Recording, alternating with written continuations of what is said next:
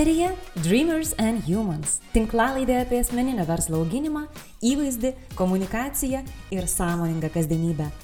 Aš Julija Brodskė, įvaizdžio ir komunikacijos konsultantė bei mokymų vedėja. Esu tam, kad įkvėpčiau dalintis geriausiu, ką turite, o prekės ženklus kurti su žemėlapiu rankoje.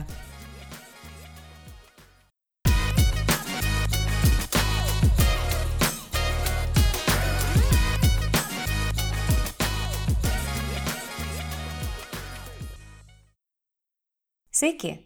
Dėkoju, kad klausotės šios tinklalaidės. Vienas kūrybiškiausių ir įtakingiausių 20-ojo amžiaus rašytojų, Francas Kafka, didžiąją savo dienos dalį nuo 8.30 iki 14.30 dirbdavo teisininku. Tuomet pietaudavo ir eidavo miegoti. Vakare mankštindavosi, vakarieniaudavo su šeima ir kas vakarą, lygiai 23 val. pradėdavo rašyti. Kitą dieną viskas prasidėdavo iš pradžių ir kartodavosi. Žmogaus teisų aktyvistė, poetė, dainininkė Maja Angelų nuomodavosi kambarį vietinėme viešbutyje ir eidavo jį rašyti nuo 6.30 iki 14. Viešbutyje ji niekad nenakvodavo, tačiau kasdien naudojo jį kaip kūrybinę erdvę skirtą rašymui. Haruki Murakami Japonų rašytojas keliasi kasdien ketvirtą ryto, rašo penkias valandas, o tada eina pabėgioti. Šią laidą ne veltui pradėjau nuo šių konkrečių pavyzdžių, kviečiu juos tiesiog įsiminti ir klausytis toliau. Mes prie jų būtinai grįšime. Visi turime tikslų ir svajonių, kurias norime pasiekti. Pradedant nuo karjeros užmojų, kvalifikacijos kelimo, stipresnio, stangresnio kūno, savo verslo auginimo, pripažinimo ir taip toliau. Norime būti geresni, sėkmingesni, laimingesni. Tačiau visi šie norai absoliučiai neturi reikšmės, jei link jų įgyvendinama judame tik tada, kai tai patogu ir lengva. Tačiau jeigu laukiame tik šių įkvėpimo, pakeilimo ir patogumo momentų, dėja niekad nebūsime pakankamai nuoseklus, kad pasiektume apčiuopiamų rezultatų. Arba užtruksime be galo ilgai. Didžiąją dalį laiko mes dėja nesame nuoseklus. Lektorė pranešėja ir knygų autorė Mel Robbins teigia, kad tai labai natūralu mums visiems, nes mūsų smegenys saugo mus nuo nepatogumo, skausmo, pokyčių. Mes suvokiame, kad norime, pavyzdžiui, būti liekni, sėkmingi verslininkai, pripažinti menininkai, specialistai. Tai kodėl tada mums taip sunkiai sekasi daryti kasdienius darbus ir siekti šių savo tikslų? Randame priežasčių neišeiti pabėgioti, dėlsime rašyti laiškus turimiems kontaktams. Kodėl taip darome? Todėl, kad mūsų smegenys sukonstruotos apsaugoti mus nuo nemalonių pojūčių, jos verčia mus stabdyti, dvėjoti ir abejoti. Gaunasi, kad mes motivuoti daryti tik tai, kas yra lengva. Mes niekada nesijausime motivuoti daryti tai, kas sunku, nepatogu arba yra didžiulis tikslas prieš akį. Taigi, mums visiems būdingas įprotis - abejoti ir dėlsti. Ir štai problema. Jei dirbame tik tada, kai jaučiamės motivuoti, niekad nebūsime pakankamai nuoseklūs, kad pasiektume tam tikrą profesionalumo lygį. O kuo skiriasi profesionalai nuo įsikvėpusių mėgėjų? Rašytojas, garsus blogeris ir motivatorius James Clear teigia, Profesionalai nusprendžia laikytis grafiko, o mėgėjai leidžia gyvenimui nuspręsti už juos. Minėtieji Francis Kafka, Maja Angelou, Haruki Murakami yra pavyzdžiai tų žmonių, kurių darbas ir rezultatai absoliučiai nepriklauso nuo motivacijos ir įkvėpimo. Jų rezultatai grįsti rutina ir nuosekliu jos laikymusi. Kasdieniai įpročiai, o ne prigimtinis talentas veda sėkmės link. Gebėjimas veikti kasdien, laikytis grafiko ir dirbti, ypatingai kai nesijaučiame tai dara, turi ypatingos vertės ir tai tikrai yra viskas, ko mums reikia, kad būtume 99 procentais geresni. Taigi kaip tapti tuo produktyviu profesionalu ir savo tikslus įgyvendinančiu žmogumi? Pirmas žingsnis yra priimti sprendimą, kur norime būti tikrai geri arba ko pasiekti ir kodėl mums tai svarbu. Prasmė ir yra kaip pagrindas. Kai žinome, ko tiksliai norime, judame link to tikrai lengviau.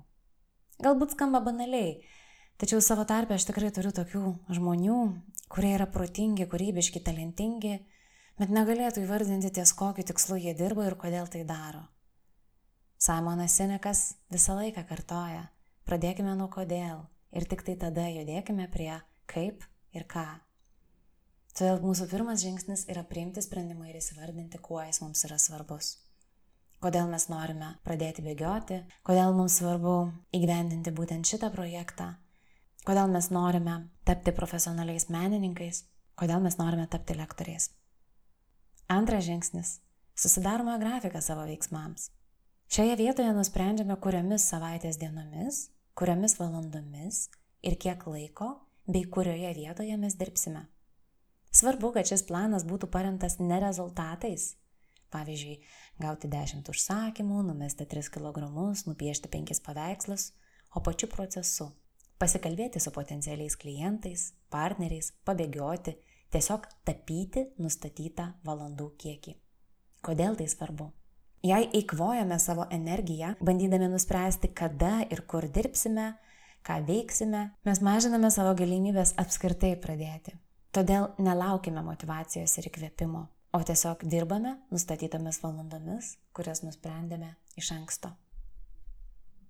Trečias žingsnis. Grafiko laikome savaitę. Iš tikrųjų, dažnas suklumpame jau pirmomis dienomis.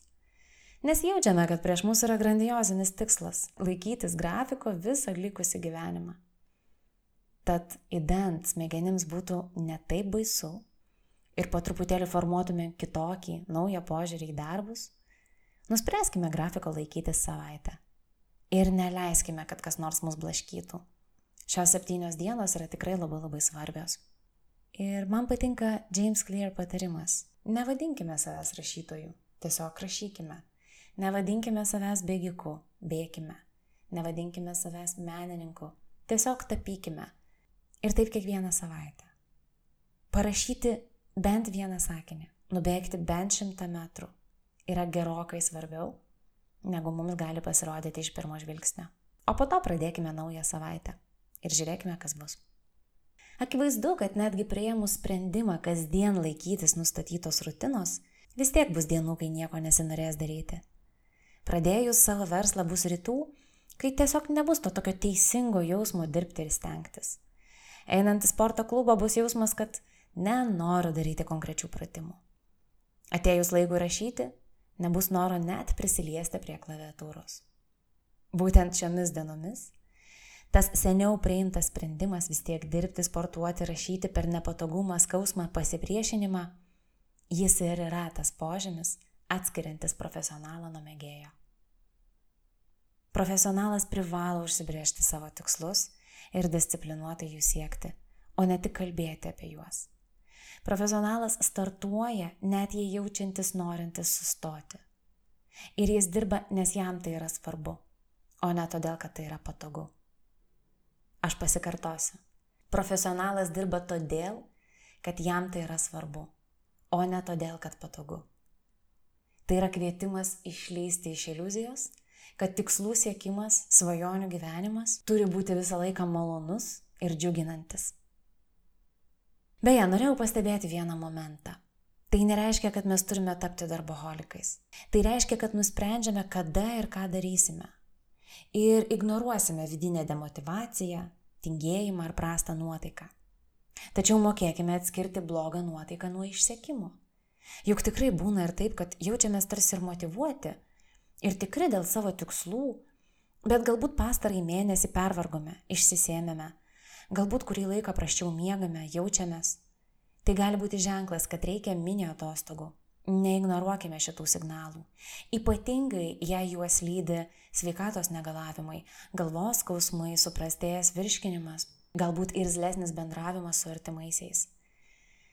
Labai kviečiu būti sąmoningais, net ir siekiant savo tikslų, laikantis grafiko, bet tuo pačiu klausantis savęs ir savo kūno. Yra toks įsivaizdavimas, kad tobuliausia būtų dirbti ir kurti tik tai tomis dienomis, kai turime tikrai gerų idėjų. Tačiau pastebėkime, metuose tokių dienų gali pasitaikyti tikrai netiek ir daug. Tad bus gerokai paprasčiau jas pagauti tada, kai nuolat kartosime tuos pačius veiksmus, dėsime pastangas ir kai kuriomis iš tų dienų aiškiai užčiuopsime, kad mhm, šiandien jaučiuosi labiau pakilėtas, labiau džiugus ir rezultatai bus geresni. O kitomis dienomis rezultatai gali būti ir visai vidutiniški. Čia ir yra visa magija. Leisti savo šlifuoti savo amatą net ir prastomis dienomis, ir kurti galbūt netokį vertingą turinį. Tačiau tai ir yra kaina, kurią mes mokame už tuos ilgalaikius rezultatus ateityje. Vienintelis būdas sukurti šedevrą arba kilstelėti savo verslą aukštyn ir yra susitaikyti su tuo, jog pakeliui prikursime krūvą šlamšto ir pridarysime ne pačių geriausių sprendimų. Na tarkim, vienas kitas pavyzdys. Įsivaizduojate, kiek muzikantas išleidžia albumų, kol parašo hitą. Arba kiek reikia nutapyti paveikslų, padaryti skulptūrų, kol gimsta toji, kurią visi pamato, pastebi ir pradeda apie ją kalbėti bei rašyti. Galim priartėti ir prie kokių nors paprastesnių pavyzdžių. Kiek kartų esame pastebėję, kad vieni mūsų įrašai socialiniuose tinkluose sužyba ir tampa tikrais bestselleriais, tuo tarpu kita jų dalis būna tiesiog vidutiniškai pastebima. Ir tai yra visiškai normalu. Rašytojas Todas Henry teigia, kad jisai rašo tik tai tomis dienomis, kai yra motivuotas. O motivuotas jis yra kasdien, 8 val. ryto. Taigi, labai labai tikiuosi, kad šitie pavyzdžiai įkvepia mus visus, bet to dariškai dirbti, nesigilinant į tai, kaip mes jaučiamės. Todėl labai labai kviečiu imtis, jeigu dar to nepadarėte šio namų darbo, ir padaryti minėtus tris žingsnius. Nuspręsti, kas jums šiame gyvenimo periode yra tikrai labai svarbu ir kur norite tapti profesionalas, arba kokį asmeninį vidinį tikslą įgyvendinti. Nuspręsti, kuriomis dienomis, valandomis ir kurioje vietoje jūs darysite veiksmus, kurie yra susiję su tikslu ir daryti tai mažiausiai septynias dienas. Praėjus septyniom dienom tiesiog pradėkite viską iš pradžių. Vasara yra ypatingas laikas pati gamta ir atmosfera mus um, skatina daugiau laiko būti gamtoje, daugiau laiko praleisti su artimaisiais, rūpinti savo kūnų, sveikata, sportuoti. O šalia to vis tiek lieka mūsų pareigos ir asmeninės svajonės. Aš labai labai norėčiau, kad šita vasara mums visiems būtų tas laikas, kurį prisiminę vėliau, galvotumėm, kiek daug aš nuveikiau ir kiek daug aš ilsėjausi. Aš labai labai kviečiu dirbti mažiau, bet efektyviau tiksliai žinoti, kada tai darome ir kodėl. O likusi laiką mėgautis savimi, santykiais ir gamta.